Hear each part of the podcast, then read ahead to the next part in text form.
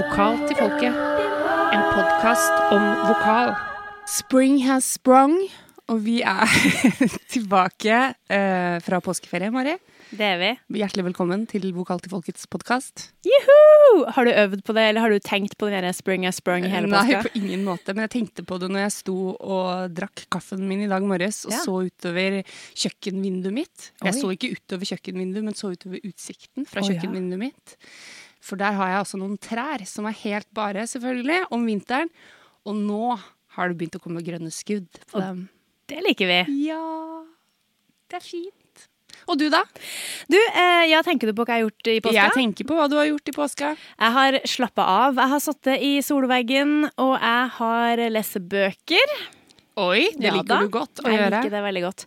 Så det har vært veldig avslappa påske, altså. Det må jeg si. Og det trengte jeg. Ja, det er viktig. Du, har du sunget noe? Nei. Nei, ikke jeg heller. Ingenting. Nei. Jeg lytta lyd sånn eh, på slutten av uka, bare, og da tenkte jeg åh, Ja. det var litt rart. Jeg sang eh, temaet til den Snipp og snapp-sangen Ja, den, ja. ja, i forgårs, eh, for jeg fant noter på det. Snipp og snapp. Ja, det er Eller jeg kan egentlig, egentlig jeg kan det Chippendale Rescue Rangers. Har du hørt den? Mm, Nei. Nei, men da Det får vi Det, det, skal, Ja, det skal det bli ordning på, for å si Ja, sånn. hvis du har noter på den, så regner jeg ja, med at, uh, at jeg får høre en gang. Ja. Vi har jo gjort litt siden sist, Mare. Vi, før vi tok påskeferie, så var vi på en liten promotur.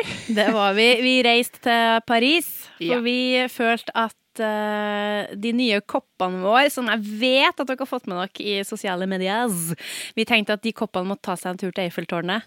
Ja. Og vi tenkte òg at de koppene måtte eh, under Paris, så vi har kosa oss veldig med å ta med kopper rundt på tur. Det har vi. Og vi har lagt igjen en kopp. Det har vi faktisk. Og det var egentlig ikke planlagt. Nei. Fordi vi knuste en kopp Ja. i Airbnb-leiligheten. ja. Unnskyld. Eh, og så, så var vi litt sånn Å, hva skal vi gjøre nå? Vi må kanskje kjøpe en ny kopp. Og så kom vi på vi har jo med oss egne kopp.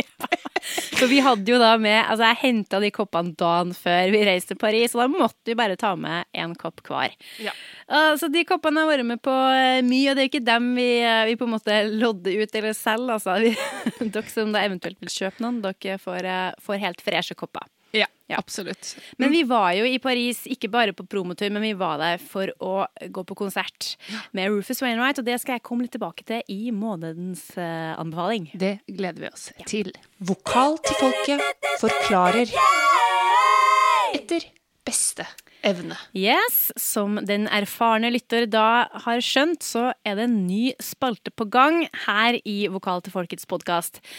Og det er at vi prøver å forklare litt sånn terminologi og uttrykk eh, som dukker opp i den poden her, sånn at det skal bli enklere for alle sammen å følge med. Og så er det òg litt sånn at vi jeg kan jo en del ting som Karina ikke kan, og Karina vet mye om en del ting som jeg ikke har eh, lært så mye om ennå. Så det blir òg en sånn oppdatering for oss sjøl, da. Så det er bra. Um, og i dag så skal jeg eh, snakke litt om bodymapping og kinestetisk sans. Det liker du, Frans. Ja, altså det, det vet jeg veldig lite om, så jeg er spent på å høre mer om det. Men egentlig så du vet om det, skjønner du. Ja, ikke sant? Ja, for det her er noe vi, eh, vi kan noe om, vi som driver og synger, og flere òg, altså. Men jeg skal prøve å forklare litt mer om hva det er. Og bodymapping handler jo da om å lage et eget kroppskart. Det er litt din egen oppfatning av din egen kroppsform og kroppsfasong og størrelse. At du klarer liksom å, å forstå sjøl akkurat hvor, hvor lang eller lav du er. Eh, og det er om hvordan ledda din beveger seg, og hvordan kroppen fungerer. Fordi ofte i sang så snakker vi veldig mye om pusten, og vi snakker mye om lunger. Men hvor sitter egentlig lungene hen? Jeg har hatt uh, studenter som da har pekt ganske langt ned i magen, for at vi snakker mye om at ja, du må puste med magen.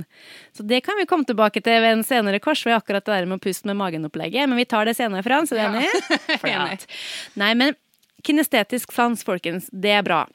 Det er evnen til å fornemme muskelbevegelser, kroppsdelenes tyngde og kroppsdelenes stilling til hverandre. Det handler da om muskelsans, rett og slett. Og det kommer fra ordet kine, som betyr bevegelse, og stesi, fornemmelse. Ikke sant? Det kan man jo òg. Ja. Ikke sant? Det er fint å ha quizkunnskap. ja, det er det. Det her er essensielt for uh, musikere, det at vi klarer å, å forstå hva kroppen egentlig trenger. Hvis vi har en velutvikla kinestetisk sans, så er det lettere for oss å finne ut nøyaktig hvor mye støtte og eller energi da en frase eller tone trenger. La meg komme med et eksempel her, godeste Frans. Du vet at når man synger med mikrofon på en eh, scene, f.eks. da rockemusikk, som du eh, driver med eh, Du har sikkert opplevd at du har liksom dårlig monitoring, altså det at du hører deg sjøl for dårlig på scenen. Det har vi jo vært innom, at jeg har problemer med det Ja, til. Ja. ikke sant? Og det som er greia, da, er at det som ofte skjer da, og jeg sier ikke at det skjer ofte med deg, men det som ofte skjer med meg, kan være det at jeg da jeg klarer ikke å stole på kroppen. Så i stedet for å synge sånn som jeg gjør da på øvingsrommet med god monitoring, så gønner jeg på.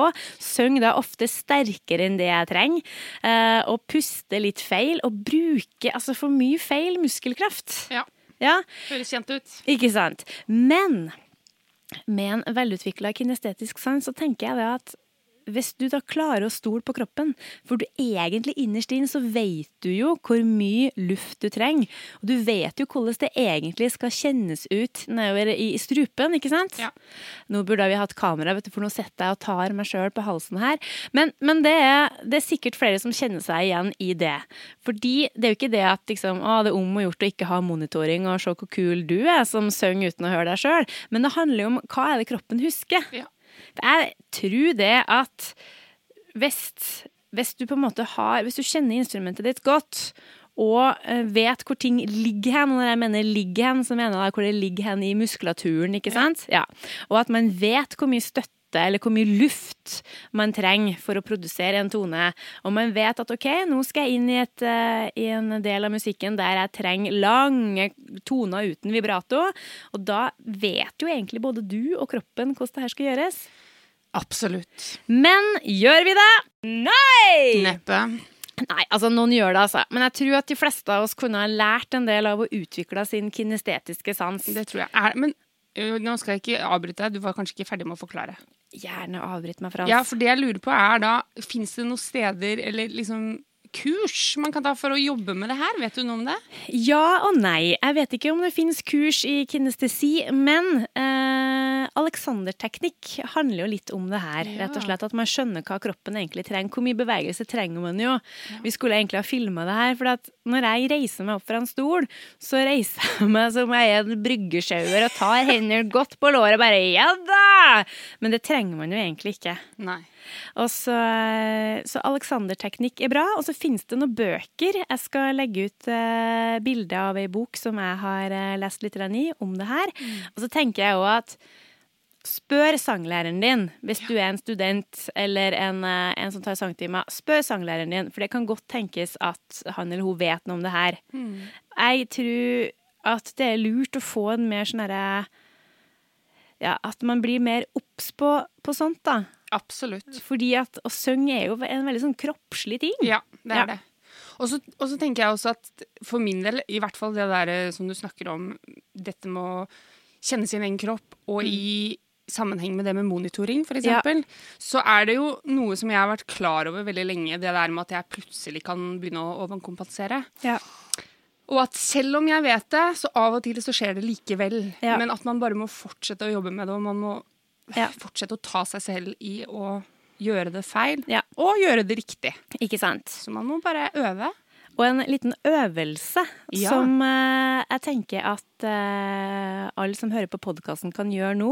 Det blir spennende. Nå blir det god stemning på bane og på trikk. Ja. Du kan gjøre det sammen med meg. Vi har jo prøvd den før. Men Ja. hvis du da, kjære podlytter, tar hendene over hodet Kjempebra, Fransen. Ja, Nå gjør vi det begge to. Og så beveger du på fingrene dine. Som om du liksom eh, Ja, jeg vet ikke, svømmer eller kravler eller et. Da kjenner du jo lillefingeren din og pekefingeren. Og du vet jo på en måte Du har jo et slags indre bilde av hvordan handa di ser ut. Ikke sant? Ja, ja, ja. Ja, det er god stemning. Du kjenner liksom hvert ledd, da. Mm. Og så kan du prøve å gjøre det samme mens du tar hendene ned, sånn at du ser Du dem med øynene. fortsetter Ja. å bevege.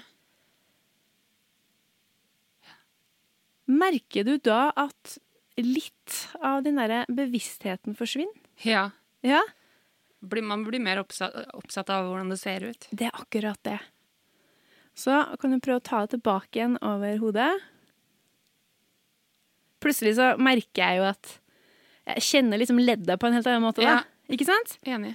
Jeg tror òg det at som sanger, for eksempel det å ha en eh, å liksom å vite hvordan ryggen din fungerer, hvilke muskler som jobber der når du produserer lyd, det tror jeg er veldig essensielt. Ja. Men jeg er jo veldig opptatt av rygg. Men det er jo ikke alle sammen som er det. Nei, nei. Det får nå være opp til hver enkelt. Jeg tror det er veldig individuelt hvor Også når man jobber med dette her som de fleste kaller støtte. Ja. Eh, hvor man kjenner det. Noen vil jobbe liksom veldig i mageregionen, noen vil Mm. jobbe på, med ribbein på sida, noen har fokus på rygg. Og det er Ja. veldig ulikt hvor man kjenner det. Ikke sant? Ja. Det er sånn, sånn må det legges opp individuelt. Ja, det tenker jeg absolutt. Også da, men for min del, da, som er veldig opptatt av rygg, så, så jeg tenker veldig mye på hvordan liksom min rygg fungerer. Så når jeg synger, så er det liksom ryggen jeg tenker på. Uh, men når jeg underviser, så tar jeg utgangspunkt i hvor mine studenter på en måte har Yes. sin liksom, bevissthet hen. Ja. Så hvis de får mest ut av å jobbe med ribbekassa, så for all del, Ikke sant? da blir det ribs all the way! Oh, my, those Yes. ribs. det var dagens uh, leksjon. Veldig bra. Tusen takk, Mari. Vær så god. Våren har kommet, himmelen er blå. Vokalen må frem, ja, alle skal få. Vi har eh, fått en ny gjest eh, denne måneden, som alle måneder.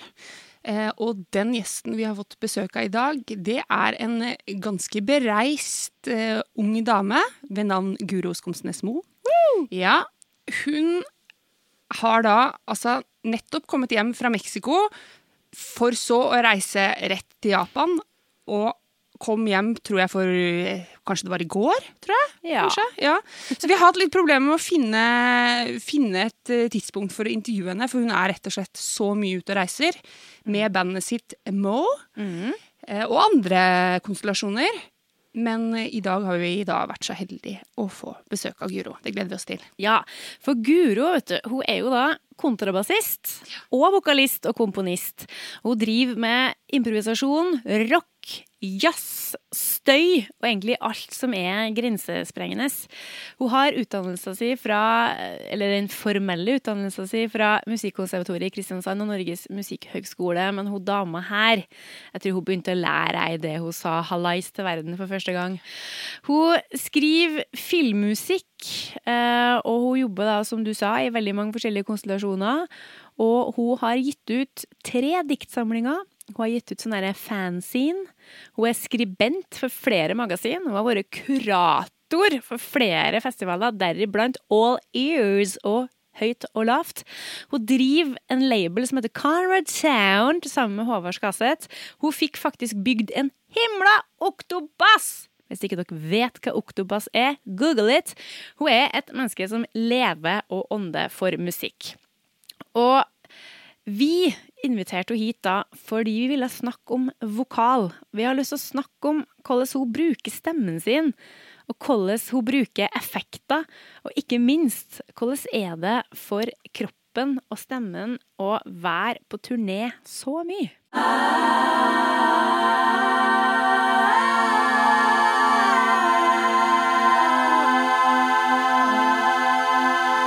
Hjertelig velkommen til oss, Guro Skomsnes Mo.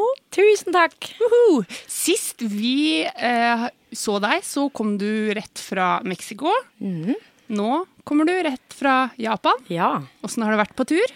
det har vært enormt eh, flott. Vi har spilt 17 konserter på 18 dager. Oi.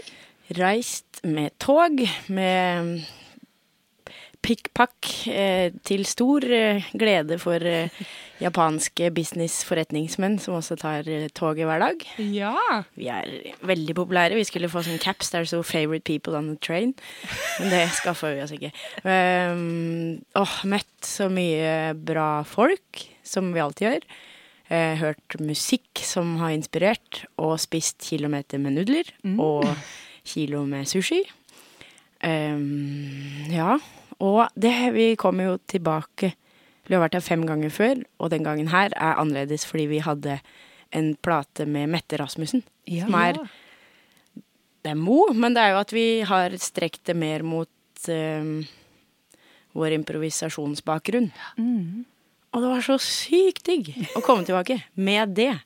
Så bra. Sånn at du, man er jo alltid i fare for å lage seg um, fengsel, holdt jeg på å si. Ja. Eller for seg sjøl, med at man, det man forventer både til seg sjøl, og hva man tror andre forventer av seg.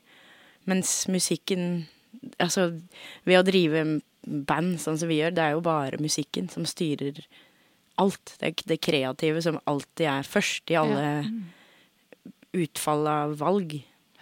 Og ja, det bare var som å riste seg sjøl. Og um, ikke være ny, men å få lov å vokse større. For, Ja. var følelsen i hvert fall, da. Men eh, det er ikke sikkert at alle våre lyttere eh, kjenner til Mo. Det er like godt som vi i dette studioet gjør. Kan du forklare litt om, om hvorfor du starta Mo? For der er du både bassist og sanger og komponist. Ja. Kan du forklare litt om eh, hvorfor du starta det bandet? Absolutt. Det var i 2008. Da hadde jo etter eh, å ha eh, studert Eller ja, vi studerte jo sammen i Kristiansand. Der eh, etter noen år um, Eller der starta jo et band som het Art Directors.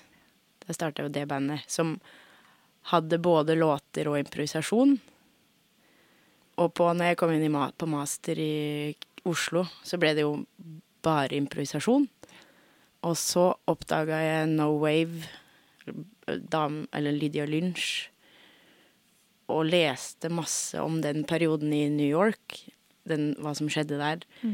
Og den der alle bare, Det føltes som at alle bare måtte lage musikk. De, alle bare måtte lage det de trengte. Og så kjente jeg at jeg jo trengte å lage noe som var mer struktur. Og at jeg, alle, alle tekster som jeg alltid skriver, ville jeg ta inn i musikken igjen. Da ble rockebandet det helt ordinære rockebandet Mo starta. ja. Eh, For å Så det er i hvert fall det jeg sier, og det er jo sånn At det var Man ønska å ha den spontaniteten og uforutsigbarheten i improvisert musikk, og også støymusikk, som jeg også er inspirert av. Lagene, likeverdigheten mellom lag av lyd, mm. men med kraft, eller krafta fra rocke, rockmusikk. Så Det har jo ikke vært Ferden har jo ikke vært sånn herre Å ja, da veit jeg jeg skal dit, og så går jeg dit. Alt er jo bare Ja. Ja. prosess som jeg eh, må ha, eller som er Så, veien. så Mo har på en måte vært egentlig et veldig sånn strukturert, på alle måter, eh, rockeband. Ja. Eh, men så sier du nå at dere er litt tilbake i, i den improvisatoriske Ja. verden. Mm. Så det Men det er jo Veit ikke hvor mange ganger vi har spilt konsert, og Nei, det er, sant. folk sier bare det er helt vilt åssen dere liksom improviserer, og så plutselig så er det sånn struktur der. Og så, så bare, ja, men um, Det er låter. Ja, ikke sant? Det, det er faktisk låta. Ja. Ja, ja. Men- Til og med mammaen min er veldig glad for, å, få Mo, for dette der Det er jo tekst, Ja. og det er melodi. Det det kan forholde seg ja, ja, ja. Ja. Men jeg er jo fortsatt um, nysgjerrig på eh, For det- når jeg presenterte deg tidligere i podden, så har jeg jo fortalt at du har liksom studert bass og sånn, og bygd en oktabass og så. Men sangen da, Guro? ja. Fortell litt om hvorfor, hvorfor du måtte synge i, i Mo. Vi skjønner jo at det var noen tekster her, mm. men, eh, men eh, kan du fortelle oss litt om hvorfor du Hvorfor du Jeg er så forbanna sta. Ja, du er sta, det vet vi jo alle. Det er det jo flere som har sagt. Det, jeg har ikke visst helt hvorfor jeg måtte ha sunget. Um, jeg har alltid sunget altså fra barnearbeid for far, der hvor han spiller inn musikk. Barnemusikk. Nei, Altså, Guro har jo en, en kjent uh, far, altså. som lager barnemusikk, så jeg har spilt Har sunget ja, på, Jeg hadde sommerjobb i Kristiansand, eller det var han som hadde sommerjobb i Kristiansand, som um, spilte på en sånn På vaffelscena. Kristiansand dyrepark. Da var jeg med Der var alle Det var meg og søstrene og kusine og fetter var med da, Ikke så sant. hver dag var frosk. Frosk. Ja, syng, Syngende frosk. Guro-frosk. Ja. Ja vel. Um, og kor. Jeg sang i kor. Fikk aldri lov til å synge solo fordi jeg hadde litt rar stemme. ja, ikke Sånn at, sant? men hvis vi skulle ha sunget en ja, i kirkekoret en sang av Alanis Morissette, så kunne jeg nok ha syngt solo. Men det gjorde vi jo aldri. Fikk Nei. du beskjed om det? Ja. ja. Nei! Men altså, Alanis, da. Ja, vi elsker jo Alanis, vi. Ja, ja. Men Mm, men det er, jeg tror det er bare den derre drivkraften til stemme som Jeg har jo alltid sunget altså Who's Who in Pop and Jazz, et Ja. uh, pop-jazzband. Uh, der vi lagde sanger. Og jeg har lagd sanger fra jeg var um, Eller én sang som jeg lagde da jeg var tre år, er sånn Skulle du hjem, lille flokk? Nei, jeg skulle sove over mange netter. Det er min første sang. allerede der så er det jo litt mer, eh, litt Ja. mer eh, Men- futt over enn det de fleste av popmusikken er nå. Sorry. Alle som føler seg truffet. Men eh, så fra 11-12 så har jeg lagd låter. Ja. Så at så klart det der med teksten og ville få det fram med stemmen, Mm. har bare vært Sikkert bare sånn helt sånn Jeg har ikke tenkt. Nei. Det har bare vært der. Og mm, Men akkurat som dans også, når jeg var liten at jeg, jeg har jo trengt musikk og synge og danse, men som en slags sånn flukt, da. Ja. Og det er jo på en måte en motstridende ting, for du er, står jo der og er eksponert for folk som Ja. ser på deg. Mens Mm. for meg så er det at jeg får bare slippe Eller jeg får liksom vært vekk. Ja. Um, sånn at alt har vært en gradvis utvikling og um, vekst. Sånn som fra første plata It Pictures til Mo. Uh, der, stemmen, der bruker jeg jo stemmen helt annerledes. Ja, Hvordan da? Eller der er det jo Der er jeg uh, mer redd. um, og ah, det tar jo Det har tatt kanskje fram til den plata 'Examination of the Eye of a Horse', som er fjerde, fjerde plata til Mo. Og det var sånn vendepunkt der jeg har tørt og hørt på hva stemmen betyr i bandet. Eh, Men det var jo første gang vi gjorde som en vanlig popproduksjon. Ja. Eh, instrument på instrument. Og stemmen til sist. Altså, og det her, alle, alle podlyttere må høre på den plata og tenke at det her er popmusikk. Jeg husker når eksperten min og hele bandet var så utrolig entusiastisk. Yeah, nå lager vi popmusikk! Og jeg bare, oi! Men eh, ja, ja, vi har alle våre preferanser. Men at det var så forbanna skummelt at eh, For da spilte vi inn vokalen til sist. At jeg skulle ha så mye plass, og at jeg måtte gjøre det Altså, den, det ble så nakent og så skummelt. Som jeg ikke har For før så har vi spilt inn live. Jeg har sunget samtidig som jeg har spilt bass. Altså, Det har bare vært en del av hele Ja, ja. på en måte. Ja. så det har ikke, har ikke kunnet tatt detalj, og så noen ganger er jo ikke det det beste for den type musikk. Nei. Eh, For da ble det en slags sånn herre Men da eh, Men sikkert også fra den plata så har det med teknikk blitt mye Eller da har jeg skjønt at både for å kunne ha en stemme, fordi det er utslitende, sånn jeg synger, og, som har, og hvordan jeg har funnet den stemmen, har jo også bare vært Jeg har et sånt bilde av hvordan jeg ønska stemmen skulle være. Og så er- hver låt har jo en ny stemmeteknikk, føles det som. Um, ja. Um, og fra da, 'Examination of the Eye of a Horse', der jeg var nødt til å høre og ta stemmen ikke nødvendigvis alvorlig, men at den nå var likeverdig som instrumentene, og at også da så klart det der Det at man skriver tekst, og så er man, man er, Det er jo ikke alltid at man tør å stå ved siden av teksten sin. Eller å Bortsett fra at mm, Det er jo en spennende ting ved å turnere så mye.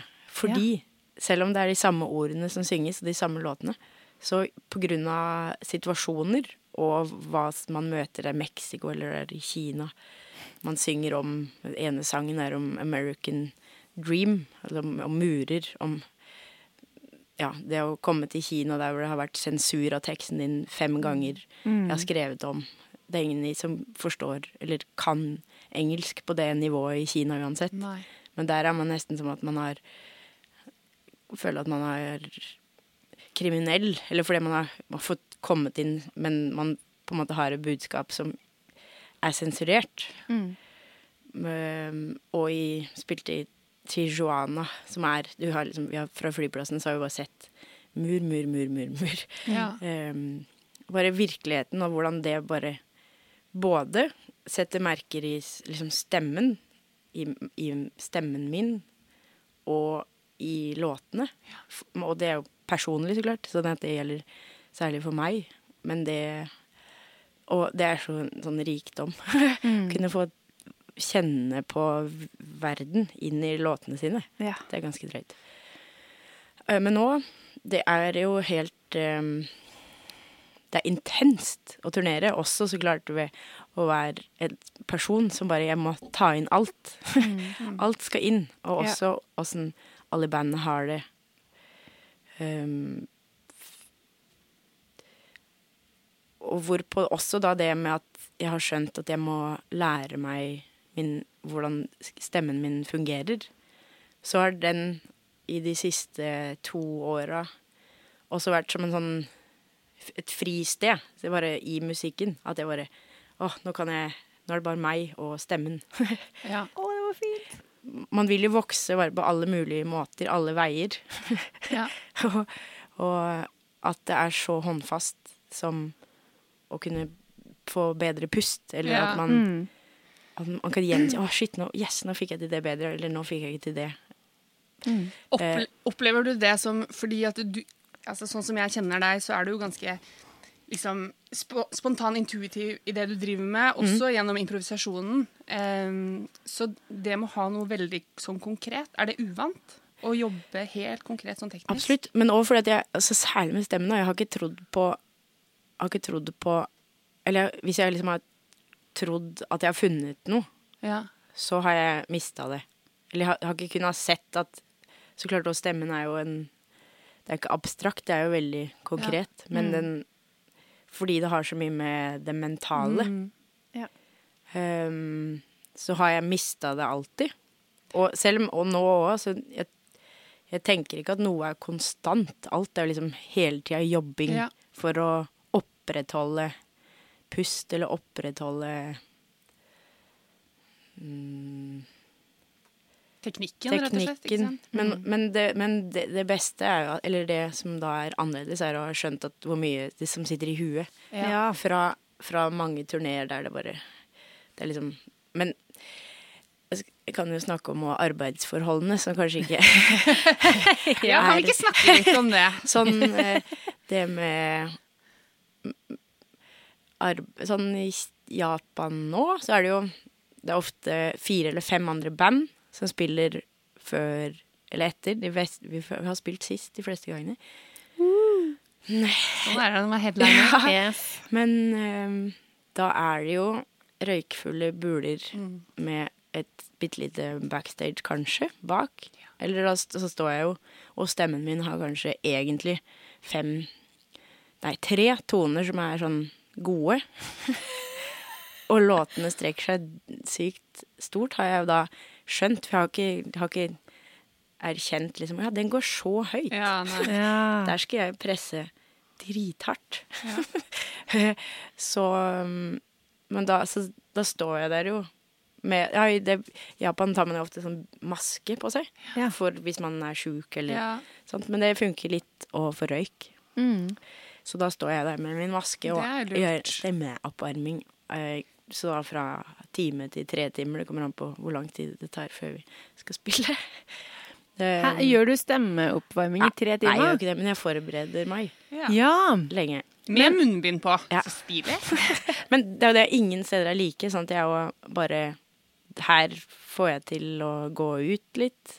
Her bodde vi så nærme at jeg kan være litt på stedet vi skal overnatte, før Ja. vi kommer. Ellers så kommer vi rett fra tog med 75 kofferter og Ja. pass og sekk, og er der til det starter. ja. Mm, men det er jo ehm, Og det har jeg jo lært meg veldig mange løsninger på. Eller det må man jo, når Ja. alt, alt alltid er annerledes.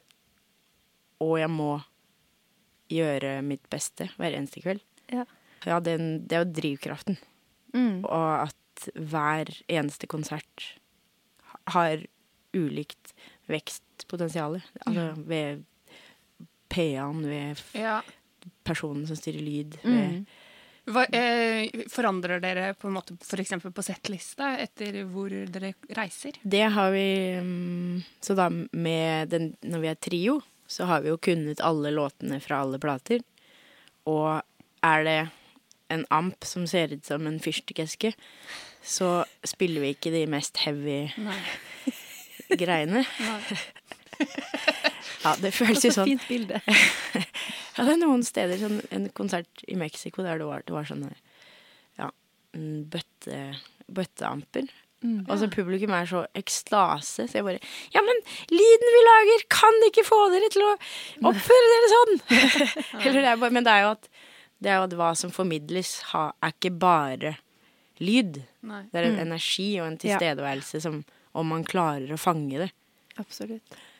Ja, så det er jo det med å fange tilstedeværelsen både for seg sjøl og, og være på en måte helt Åpne seg for det som har skjedd alle andre konserter, men å åpne seg bare totalt for hver eneste konsert. Og det var jo veldig spennende med det vi gjorde i mm, Japan, med Mette, siden det òg var et annet type materiale som, har, som er mer åpent. Mm. Um,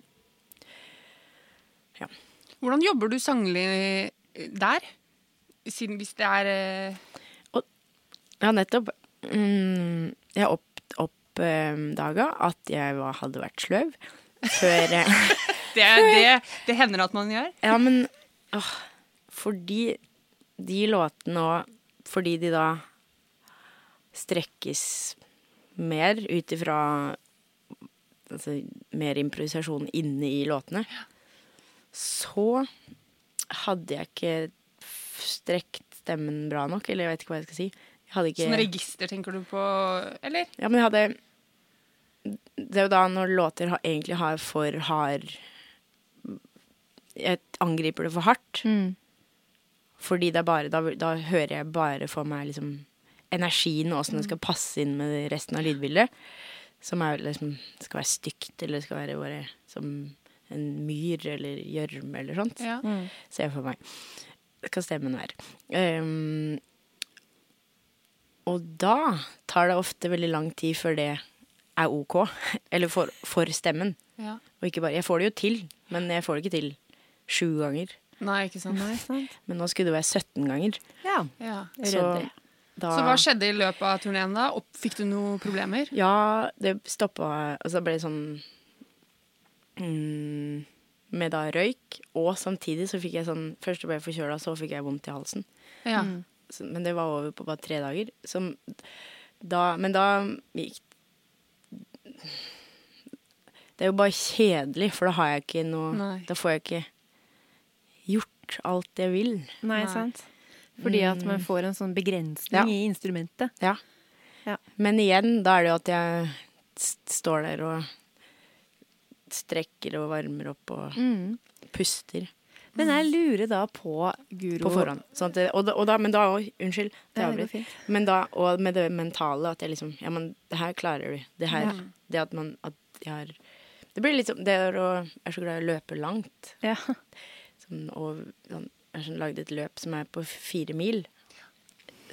Fra, fra der vi bor, til hytta mi i Drøbak. Fra Drøbak til Japan der, altså. Ja. Men den, det derre at det For kroppen klarer jo mer enn man tror. Mm. Men så ja. Det at jeg br- bruker mye lærdom også fra eller det å ville være i form, eller måtte være i form, for å få det til. Ja. For å kunne f bli bedre. Ja. Eller Ikke, ikke be... Ah, jo, man vil jo. Eller det når man da lærer seg ting. Man vil jo bare videre. Man vil jo bare at det skal vokse. Men jeg er så nysgjerrig, skjønner du, på Ja. hva som For det er veldig mye som virker sånn at du, du jobber veldig ut ifra hva kunsten vil, hvor musikken tar deg. Eh, men jeg lurer på har du, har du liksom funnet ut alt på egen hånd? Hvordan du skal ta vare på stemmen din, og hvorfor det er viktig med, med tøying og strekking? Eller har du, har du tatt sangtimer? Altså, det vet jeg jo at du har. Men, men hvordan har du liksom jobba for å lære deg alt det her? Hvordan du liksom skal klare å ta vare på, på eh, stemmen? Det er eh, Noen ganger så Eller har jeg bare plukka opp det, ting som vokalister snakker om. Og så har jeg ikke skjønt det før lenge etterpå. Før du begynte å høre på en pod som heter Vokal til folket? Ja. Jeg har tatt noen gode tips herfra. Jeg har aldri drukket så mye vann. Nei, det er jo flere som har. Men og, øh, jeg har jo gjort mye sjøl, Mm. og da i tillegg da gjort mye feil sjøl. Det blir litt sånn Sånn at og, Men så var det at jeg har tenkt i noen år at jeg burde ta en time med en operasanger. For jeg har tenkt at For jeg må, jeg må Det er liksom et eller annet med pusten og trøkket som er Må være så hardt og stort. Så hadde jeg en time med Audun Iversen. Operasanger. Det var veldig morsomt. Og da fikk jeg mer Det var noen ting som jeg sikkert har hørt før, men da fikk jeg tilgang på det. Til det. At jeg forsto det med kroppen. Ja. mm. Med pusten. Som, Ja. måtte, som ikke skal være helt hard. Liksom. Ja, magen har jo bare vært som en sånn sementkloss. Ja, det der er jo noe som veldig mange liksom tror, at Ja. alt skal være så hardt. Ja. Men det skal jo helst være fleksibelt. Mm. Men for pusten har vært viktig for deg å jobbe Ja. med. Ja, ja. Ja. Men det er jo Det er jo Når var det jeg fant ut det? Det var sikkert tre eller fire år siden. Det at jeg alt, Jeg tror jeg gjør sånn bassist eh, At jeg lager sånn tone Eller sånn Når jeg spiller bassen. Sånn derre når folk improviserer eller noe. ja, ja, ja. Sånn at bare At du synger, eller? Ja, ja. At jeg bare lager sånn utrolig ja. slitsom lyd for stemmen. ja. Uten at jeg har merka det. Så har jeg liksom klart å Eller det å For det, her skal det på Eller hendene. Mm. Der jeg spiller noen ganger, der Åh, det går så fort. Det er mer enn jeg egentlig får til. Fort. Men allikevel så reiser du til Japan og Mexico. Um, Kul. Og det å Sånn at den fra liksom stiv i muskler, armer, Ja. og så skal liksom her slappe av Ja. ja. og ha kontakt med magen. Det har vært Det er mye å tenke på. prosess. ja, det skjønner jeg absolutt. Mm, men sånn som nå Det var en veldig flott turné, da. Mm, Det, mm, men, og da, når man er der, så er det jo det eneste jeg, ikke det eneste jeg vil. Jeg vil jo bare være der. Men å komme hjem og jobbe enda mer. Ja. For, å, for da har man jo skjønt nye ting. Mm. Mm. Og nå har du fått orden på pusten. Pusten har det mye bedre. Ja, så bra. Men det har vel ikke vært så ille at du har besvimt? Og Ryktet forteller. det har uh, Første gangen jeg svimte av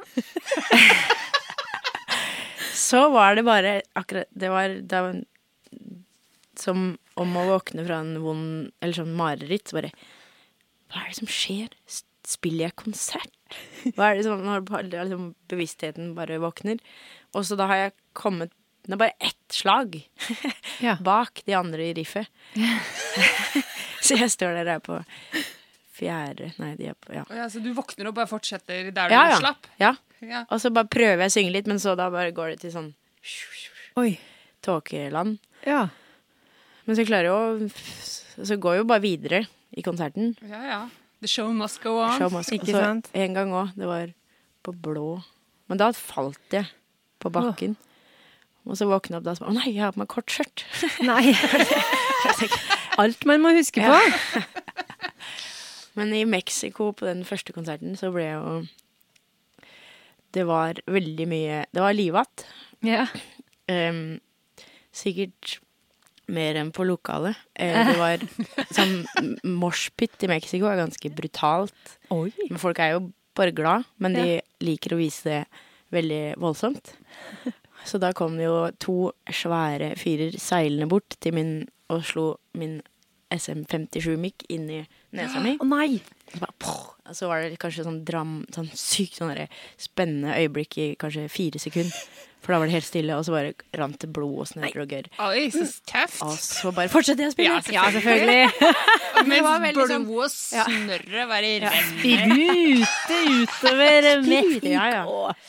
Her er det er man i Mexico, og så er man i Mexico. Men da var det en sånn enda større fyr da, som stelte seg foran meg, bare sånn som Ja. bare guard.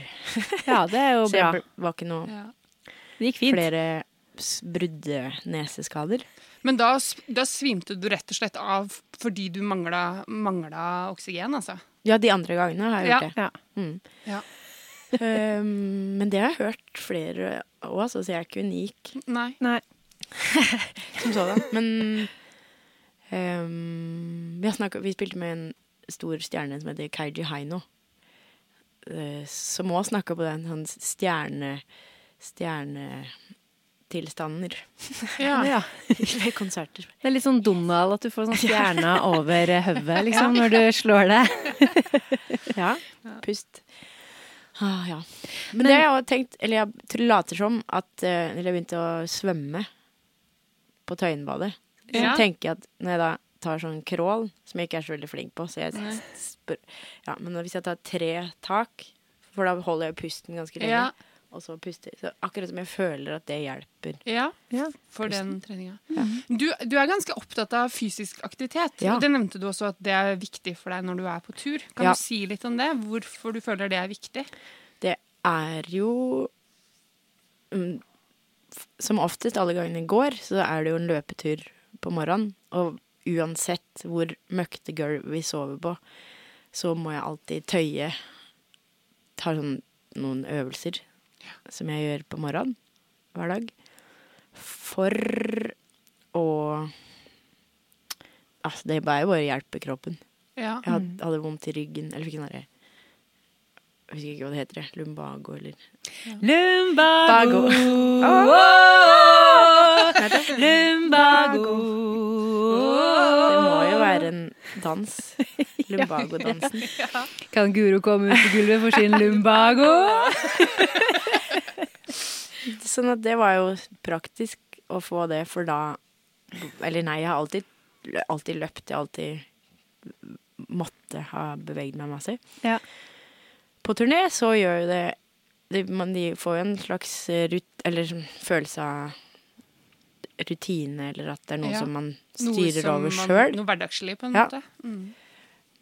Og, men det var òg Jeg husker ikke når jeg begynte med det. Samtidig som jeg da tøyer, så gjør jeg sånn stemmeoppvarminger til stor glede for de andre i bandet. På morgenen, For jeg fant ut at egentlig så gjorde jeg det etter jeg tøya, men så da fikk jeg egentlig aldri tid til den stemmeoppvarmingen, som egentlig det, var det viktigste. Fordi hvis jeg ikke visste hvordan stemmen var på morgenen, så var jeg så sur. Jeg ble ikke sur, men jeg synes det var veldig Da tenkte jeg bare på stemmen. Mm. Så da har det blitt med i vanen. Så du tøyer stemmen hver dag? Ja. Å, Guro, du er vår helt. Er det? Men ja. hvorfor det? Nei, for vi, eh, vi er ikke så gode på det, vi. Nei. Men det kan forandre seg. Ja. Jeg blir inspirert. ja men det, Ja. det føles bare som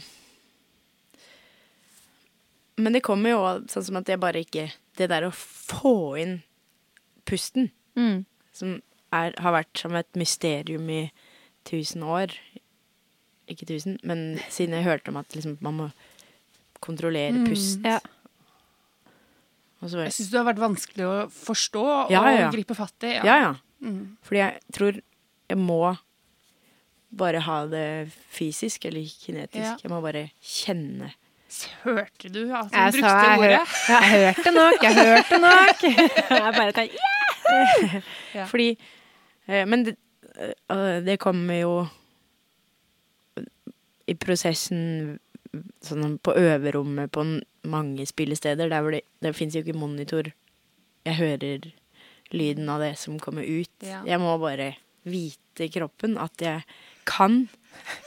Eller at det er riktig, at jeg ikke ødelegger stemmen. Ja. Det er altså så bra, for jeg, eh, altså, tidligere i podden så har vi nemlig snakka om det, skjønner du, og jeg har snakka om det med monitoring, at man må stole på instrumentet og hva Ja. kroppen husker. Ja, ja. Nå, altså. Ja, men det, det var veldig spennende da med det, det at jeg, den turneen nå med nytt materiale, der jeg egentlig følte meg at jeg hadde ikke jobba nok. Mm. Bortsett fra det, det utvikler seg jo underveis på turné, så det var ikke sånn at jeg ikke kunne ha gjort det. Mm, Men, men igjen da, når vi tok noen gamle sanger, så var det liksom, det var som et s- som større instrument. Ja, ikke sant? Åpenbart seg. Ja. Woo! Tøft. Det var gøy. Men jeg lurer på, altså jeg eh, syns fortsatt at det er interessant å høre hvordan man behandler kroppen sin når man er på turné eh, hele tida. Men hva med kosthold? Er det, er det noe du Altså, folk snakker mye om at man skal unngå liksom masse alkohol og sukker og melkeprodukter og sjokolade og sånne ting. Altså, tenker du på det? Jeg har slutta med alkohol på Slutta med turné. alkohol på turné. Ja. Ja. På turné. Det har vært eh, topp, Mm. fordi både at det er greit å bare ha alle kreftene man kan ha, og at da er det å ikke drikke mer eh, en eh, reward. Ja. Um, og det er Det er jo så mye annet godt å drikke. Jeg følte jeg var sånn fjernsynssjekk i det her. Ja, så bra. Så du, du dropper Alkohol. dropper alkoholen. Men all, kaffe, te eh, drikkes i store mengder. Um, er over Jeg er nesten like interessert i mat, mer musikk. Mm. Sånn at jeg smaker jo på alt, Ja. ja. og mm, Ja, det blir som å bare lagre opp oppskrifter og på turné, for, å, for da får jeg ikke lagd mat så ofte. Nei. Men da blir det bare desto mer når man kommer hjem. Så dere må komme på nye, det er en ny rett som heter skemen. Oi. Veldig gode nudler. Så bra. Ja, det er vi, vi vi er klar. klare for. Absolutt.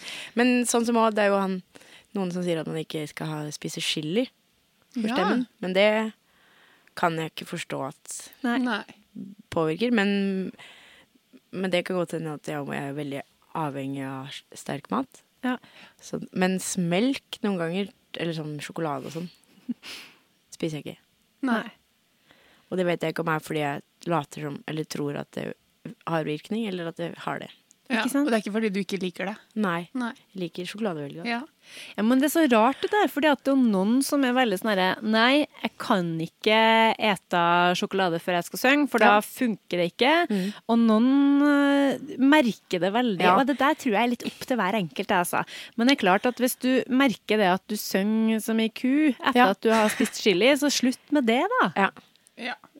Ja, ja. Det er jo veldig For- man kommer veldig tett på kroppen. Ja, ikke sant? At den sier Eller både og, på en måte. For både at man Det er, en, det er så intenst og Og man blir jo sliten i løpet av en turné. Ja. Mm. Men det er sliten på en annen måte, for man gjør det man ønsker å gjøre i hele verden. Og spille Ja. for folk, Ja. og ser at det Mm. gir noe til de som hører på. Så det er jo bare en sånn glede som Jeg har ennå ikke funnet en måte å si det på uten at det høres patetisk ut. Oi. Men det er jo så Det er sånn ah, glede som Glede. ja, det er derfor vi driver med det her. Ja. Det er jo det. Og sånn at den, det gjør at man kan liksom bli fjern, men på samme måte så er man bare totalt til stede. Mm. i kroppen sin for å skjønne hvordan man kan gi best konsert hver kveld. Men dette med, med sang, mm. som da er veldig avhengig av dagsformen, som du sier, og at man blir sliten i løpet av en turné, eh, skaper det en litt sånn uro hos deg? Altså det å våkne opp og tenke 'hvordan er stemmen min i dag'? For man vet jo hvordan bassen er, og er det en eller annen, så kan man skifte en streng, og så går det greit. Man kan selvfølgelig få senebetennelse og sånne ting som kan påvirke Ja. spillinga òg, men Men det er mer kontrollerbart, sånn at det med møte stemmen, stemmen er mer som et mysterium, ja, har gjort, ja, absolutt. Vært, gjort meg veldig urolig. Ja lenge, men til mm, Til kanskje noen år siden, eller ett år, eller i det siste, har jeg um, Men så klart um, Nå er det jo sånn med turneen at vi booker det meste sjøl. Vi gir ut all musikken sjøl. Alt er på en måte er Alt er meg Ja. alle ledd av å gjøre det jeg gjør, det vi gjør. Um, så så klart, alt som har med at Det at man forstår jo mer, man har mer kontakter, og man gjør ikke så mange sinnssyke feil. Ikke feil, men sånn omveier som man har gjort. Og da, for meg, så har jo alt speiler hverandre, på en måte. Ja. Og- da har det gitt meg det med kontrollen, større kontroll, på andre, andre felt av å være musiker. Har gitt meg større rom også til stemmen. ja. Og at uroen også har blitt omgjort til at jeg At jeg bare Jeg må bare gjøre Utnytte hver dag med stemmens og psykens muligheter. Veldig bra. Herlighet. Altså, skriv Det det, ned, greier. gi det ut. Men jeg må, jeg må spørre deg om en liten ting, fordi at du, som vi har nevnt, da, så er det liksom støy og improvisasjon og rock'n'roll, og det er bass, og det er vokal, og det er aggressivt, og det er liksom Nå kjører vi. Men, og du har jo gått noen runder med liksom din egen sånn stemme, da, ikke sant? Men bruker du mye sånne eksterne effekter på stemmen? Altså distortion, klang Jeg har tre uh, dårlige gitarpedaler som jeg bruker. Du bruker tre dårlige gitarpedaler på stemmen. Fortell om dem. Ja, det må vi Den er en herlig trio av korus, basskorus, og det er eh, distortion, Ja. og det er reverb. ja, ikke sant. Så da sier jeg jo alltid til lydpersonen at I have uh, reverb. No, just uh, I use my own Ja. reverb. Ja. clean. ja. Excuse me. no, Make all it dry. simple. Ja. Um, de er ganske kule. Ehm, den korusen Eller at man kan bare blande inn sånn um, alien-stemme. Og det med klangen òg, som Ja. bidrar veldig Når det da kommer på denne blytunge sanger, og da er stemmen bare får liksom fylt et annet type lydrom. Ja. Det liker jeg. Og med den distortion, den må jeg fortsatt ha. Den vi er ikke alltid gode venner. Mm. Men det er jo for dynamikk i et Ja. sett. Mm. Men hvordan kobler du det? Altså, har du, kjører du én mikk og kobler alt Ja. i, seriekobler alt i den Ja. Og så er det jo et, en sånn vokoloko. Ja. for den har jeg hørt, eh, Den er hørt rykter om at det er genial. god stemning, så den skal jeg teste Ja, ut. Den er helt genial. Voco For det er jo da Det er jo som i en sånn pedalloop. Mm. Så man velger jo det, Man kan jo forske og teste uendelig. Liksom hvor mye av rent signal, hvor Ja. mye av de pedalene vil man ha. Og så mister du jo ikke noe kraft. Nei, ikke sant? For det er jo det som jo er gjøre hvis man, kjører, ja, hvis man kjører vokal gjennom gitarpedaler, Ja. eh, så, Så var- mister man jo Ja. litt. Ja. Så nå er jo plutselig Nå er det jo ingen stress med feedback eller noe. Så med mindre jeg har gjort store endringer på den fuzz-pedalen. Men når du da kommer med ditt personlige utstyr som du da har brukt tid på å liksom bli venn med og finne ut av, og som du vet funker bra for deg, og den musikken du skal lage. Eh, når, det, har det hendt seg at eh, lydfolk da liksom sier nei, nei, nei? Eller liksom prøver liksom å komme med egne forslag til hva du skal gjøre, eller pleier det å gå greit? Det pleier å gå greit, med mindre det er noen som er sånn utsøkt eh, kreative, som bare Som ikke forstår at noen har brukt tid på Ja, å finne ut av noe som funker for musikken. Ja. Eh, Men noe ikke helt um, Altså det med reverb um, på svære scener, som sikkert er veldig nyttig. Som de som gjør lyd på store scener, veit at funker. Der Ja. har jeg sikkert vært veldig sånn Ikke gjør det! Ja. Ja. Jeg vet best. Noen Ja. ganger veit de best, de som har jobba ja. Eller ofte veit de, har jo Ikke sant? folk eh, også en tanke. Så det, er jo- det er jo en veldig utfordring å sti være stille riktig spørsmål ut ifra Ja, når man kommer et sted, og noen kjenner jo sitt eget PA-en veldig godt, og så f- bare st noen ganger å sp spørre Ja, sånn at det blir det beste Ja, for begge. sant? Ja, for det, det som er min erfaring, er det at det er jo ikke det at jeg ikke vil ta imot gode råd, men det handler litt om måten det blir sagt på. Ja. Eh, og for hvis det er noen som bare kommer og plukker ned mitt utstyr og bare satt opp sitt eget Ja, ja. eh, Og når jeg sier 'du, men jeg vil ha den mikrofonen' Denne funker mye bedre på kvinnelige vokalister. Det har jeg jo jobba med nå i ti år. Ja. Da ja. Da må man eventuelt da må man ofte ta opp en kamp, da. Og det er ikke sikkert at det er like lett å ta den kampen når man er 25 versus når man er liksom nærmer seg like gammel som skogen, som da vi blir. Så nei, for jeg tenker at For det der er noe man må, må liksom bli vant til. Absolutt. Og stole på seg sjøl, og at Ja, ja, ja. det man liksom OK, men det her er jo mitt uttrykk. Ja. Og da Ja, det er jo At det ikke er dumt å spørre. Nei. Og, og, men det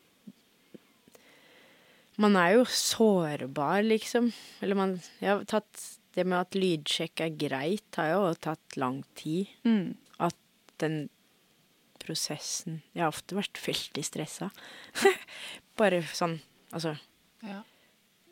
Men det er mest da den derre at det har vært prosess og ja, Men jeg, jeg fikser jo alt. Det å være vant til så usannsynlig mange for, sånn forhold for å spille, og at alt går bra uansett, det, Ja. som på en måte er bra. Men så vite hvordan å kunne utnytte mm, det som man har rundt seg, maksimalt. Og så klart det, det å stole på at Å si hvorfor man Eller bortsett fra, man trenger jo ikke. Man må jo ikke si hvorfor man Jeg har valgt de her pedalene fordi bla, bla, bla. bla. Mm. Ja, ja. Det bør jo holde å si at jeg har valgt de her pedalene. Ja, de eller- skal jeg bruke. Eller bare at man har, tar de med, er jo Ja, ja, ja. bevis nok. Godt poeng. Ja. Sånn at det er jo Ja. Uh, men der opp der vil jeg si at damer og menn opererer forskjellig. Ut ifra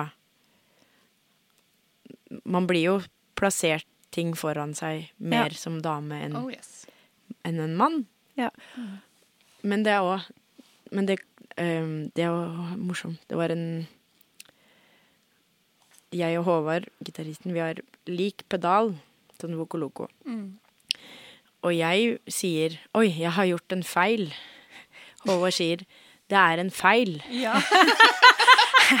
Ja, og så var det en sånn lyddame som var, hun hjalp oss. Var en konsert der hvor han ene som skulle gjøre lyd, han bare stakk. Så hun bare kom og redda hele Han konserten. stakk. Ja, det var et, et eller annet rart. Okay. Og så hun kom og gjorde alt, og så sier hun 'Å nei, jeg har gjort en feil'. Sorry. Har noen Jeg har aldri hørt det. Nei, at noen andre har jeg sagt det. har gjort en feil. Den, det er ikke det at det ene er bedre enn det andre, men den, det at en Jeg tror jeg i alle muligheter sier 'jeg har gjort en feil'. Ja. Ja. Det er mye lettere for meg å si. Ja. Det er ikke så- nødvendigvis at det er det beste, men, men den, de, de ulikhetene, som det der med slitasje på turné, er jo også det er bare sånn blikk og hva man gir synlighet. Hva Ikke sant? ja. Morsomt. Men uh, du sa du har en 50, Er det 57 du synger i? Ja. Ja. Funker det? Er det noe du har valgt bevisst, eller er Ja. det tilfeldig at du Hvorfor landa det valget på den? Um, jeg har sett mange som ser veldig kule ut med en sånn. Det er selvfølgelig det aller viktigste. Men så er det jo tilleggs eh, Nå har jeg lært meg å synge i den. Men jeg lager sikkert mye sånn poppelyder og sånn, men det, har, det høres jo ikke. Men òg mm, det å Man kan svelge den nesten, og lage mer feedback.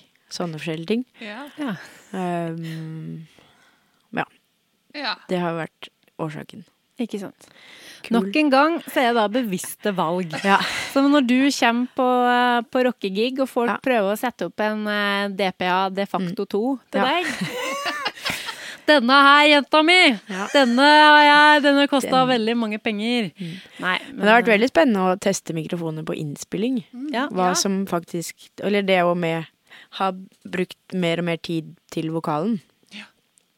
Um, hvor at det spiller en veldig stor rolle hva Ja. slags mikk. Absolutt. Så, sånn som når vi spilte inn vokalen til La Buffa i, mm, Vi spilte inn musikken i Mexico på et studio som heter Testa i Studio, som er helt likt. Det er en kopi av Steve Albinis Electrical Audio.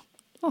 Så det er veldig festlig. Det er så- sånn som video av Steve Albini ehm, der han tar opp et mariachi-band. Det var utrolig kult. Han bryr seg jo bare om at han skal lage godlyd til hvem enn som Ja. han spiller inn. Det var dritkult. Mm, ja, men vi spilte inn vokalen hjemme.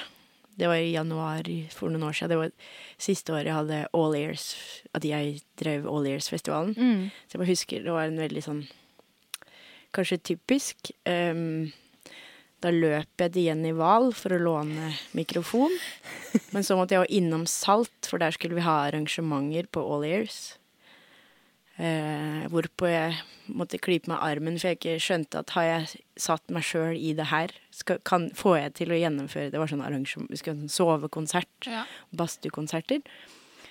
Og så løp jeg hjem, og så drar jeg på øverrommet, der, eller der studio der vi skulle spille inn. Har glemt mikrofonen. Og løp, drar tilbake, som også tar tre kvarter. Kommer tilbake, og så er vi klar til å synge. Å, herlighet. Legg vokal. Ja, hvordan gikk det, da? Um, jo, det er jo en disiplin som noen ganger ikke er eh, gunstig. Fordi man må jo Ja, det ytre eh, Mange ville sikkert sagt at skal vi ta det i morgen? Ja. Men det kan man ikke. Nei, Når man der Guro Mo følte vi ikke at vi kunne gjøre det i morgen. Det var jo festivalen starta litt. Eh, men det er, prøver jeg å bli flinkere på òg. At altså bare Man må ha hele seg med Ja. Ja. for at det skal bli bra. Sånn at noen ganger er det skikkelig fantastisk å være sykt effektiv. Og andre ganger må man tillate at for at det skal kunne bli så bra som det kan, så må det uanmeldte bare OK, ja, shit, det skjedde. Da får jeg få det til bedre neste gang. Ja. Hva- Sånn er livet. Sånn er livet. Show must go on. Det føler jeg er litt sånn motto. Ja. For det er om svimere, om, om man får en mikk slått opp i nesa, Ja, om man må, ja, man må opp og ned til Jenny Wahl Ja. rundt omkring. Altså, the show must go on. Ja. Men hva er, hva, er liksom, hva er det neste som skjer for deg nå? Neste som skjer, er etterpå i dag så skal jeg hente en testpress av svart-hvitt, som er da første verket jeg og Ole Henrik Moe lagde til kammerorkesteret som vi har, som heter The Touchables. Ja, for du har, et, kammer, du har et kammerorkester, ja. Ja. ja. Um, der hvor man Der det er oktobass på vinyl. Det er et uh, veldig utfordrende prosjekt. Det kan jeg tenke Den- meg. Det var veldig annerledes å høre det på vinyl. Men ja, å, det blir kjempespennende. Ehm, vi skal spille noen konserter i England i slutten av mai. Men med, før det, med med Mo. Ja, med men før det skal vi Jeg har en plate som vi har jobba Starta med i oktober, med Lasse Marhaug som produsent. Ja. Så det skal vi legge i mai. Gjøre gjør ferdig. Ja. Og så jobber jeg jo med musikk til et figurteater som heter Plexus Polær. Tøft. Der skal jeg og Anne Marte Sørlin Holen lage musikk til det neste stykket, som er Amoby Dick. Oi. Så det er en del komponering framover. Mm. Mm, Og så er det jo uendelig med turneer som skal bookes igjen. Og Dere skal jo verden rundt. For Ja. du er jo faktisk en av de vi snakka om det. Det er jo mange som reiser verden rundt i gåse... Ja, og har vært én plass. Hermetegn, gåsetegn. gåsetegn. Påsketegn. Jeg skjønner ikke hvor jeg fikk det i gåsa. Jo, hermegås. Ah, ja, det var kanskje Hermetegn. ja, hermetegn. Men altså, du er virkelig verden over. Australia, Japan, Kina, Mexico, USA. Altså, du er overalt. Her er det bare å Verden for dine føtter. reise videre. Det er, Ja. det er jo at det er mulig.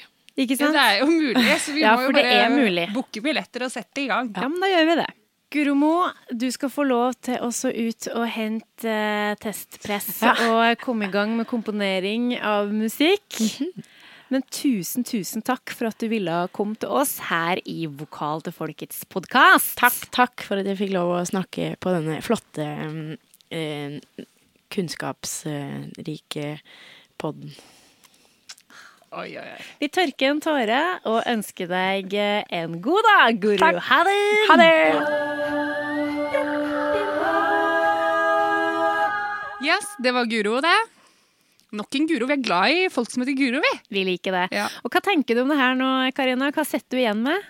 Nei, altså Hun er jo en utrolig festlig dame. Som har vært med på Hun har jo en helt annen hverdag enn det jeg har, for å si det sånn. Hun verden rundt og ja, gjort seg en god del erfaringer som er interessante. Jeg syns det var veldig vittig at hun kom inn på det med, med kinestesi og alt det som vi òg snakka om eh, i veldig mange podkaster. Det med liksom å ja, tøye og ta vare på instrumentet da, på daglig basis. Det syns jeg, jeg var interessant Ja. at hun tok frem. Veldig.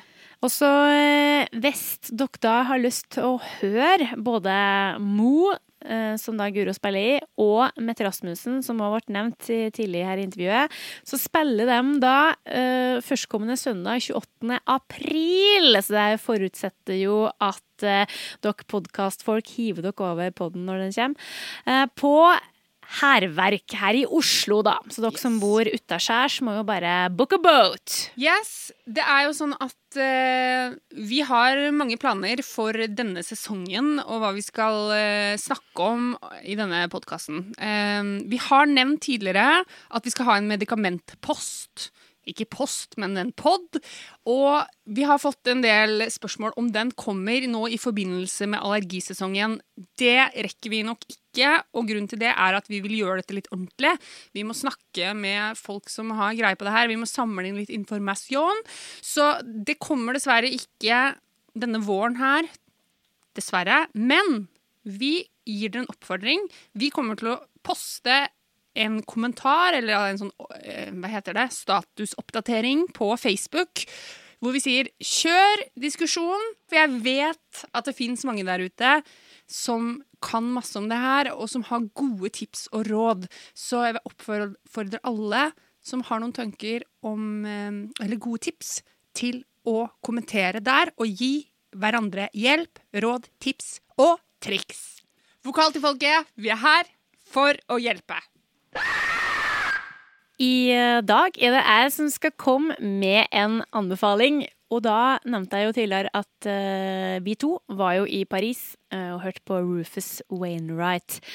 Og jeg skulle gjerne eh, ønska at alle sammen hadde hørt på han, for han har en helt egen uh, lyd, vil jeg si, og en flott stemmebruk. Men det er egentlig ikke han jeg skal anbefale i dag, men jeg måtte nevne det. Vi var òg på konsert eh, tidligere her i mars med et eh, band fra Atlanta, Georgia, som heter Larkin Poe. Og dem har jeg lyst til å anbefale, eh, og spesielt med tanke på vokalbruken der. Fordi den, eh, den er litt annerledes enn eh, Hva skal jeg si? Det blir veldig vanskelig å si det her uten å fornærme noen, men Min erfaring eller min oppfatning er da at den nordiske trenden nå, den er veldig prega av at det skal høres veldig sånn lyst og crispy ut. Det er mye knirking, mye luft, mye topp, mye random uttale, som jeg kaller det. og det kan være veldig fint til sitt bruk, men noen ganger så er det godt å høre en, en stemme som er litt annerledes, som har litt mørkere klang, og jeg syns nesten at klangen har litt mer kropp på seg. Men det her er jo selvfølgelig da mm, det som jeg mener. Kanskje du mener noe helt annet. Men sjekk ut Larkin Poe. Som alltid så vil vi linke til en låt eh, og til hjemmesida til Larkin Poe, så følg med på vår Facebook. Følg med på vår hjemmeside. Følg med på vår Instagram. Oh yes. Da får dere informasjon om det ene og det andre. Nettopp! Ja, Frans! Ja! Da tror jeg vi må ut i uh, vårsola. Ja, det kan du tro. Vi må, vel, eh, vi må vel bare fortsette å jobbe, tenker jeg. Det må vi. Ja. Vi skal slenge sammen den podden her, så at dere kan få høre den når dere vil. Kos dere med den inntil vi ses neste gang i mai. Ha det! Ha det!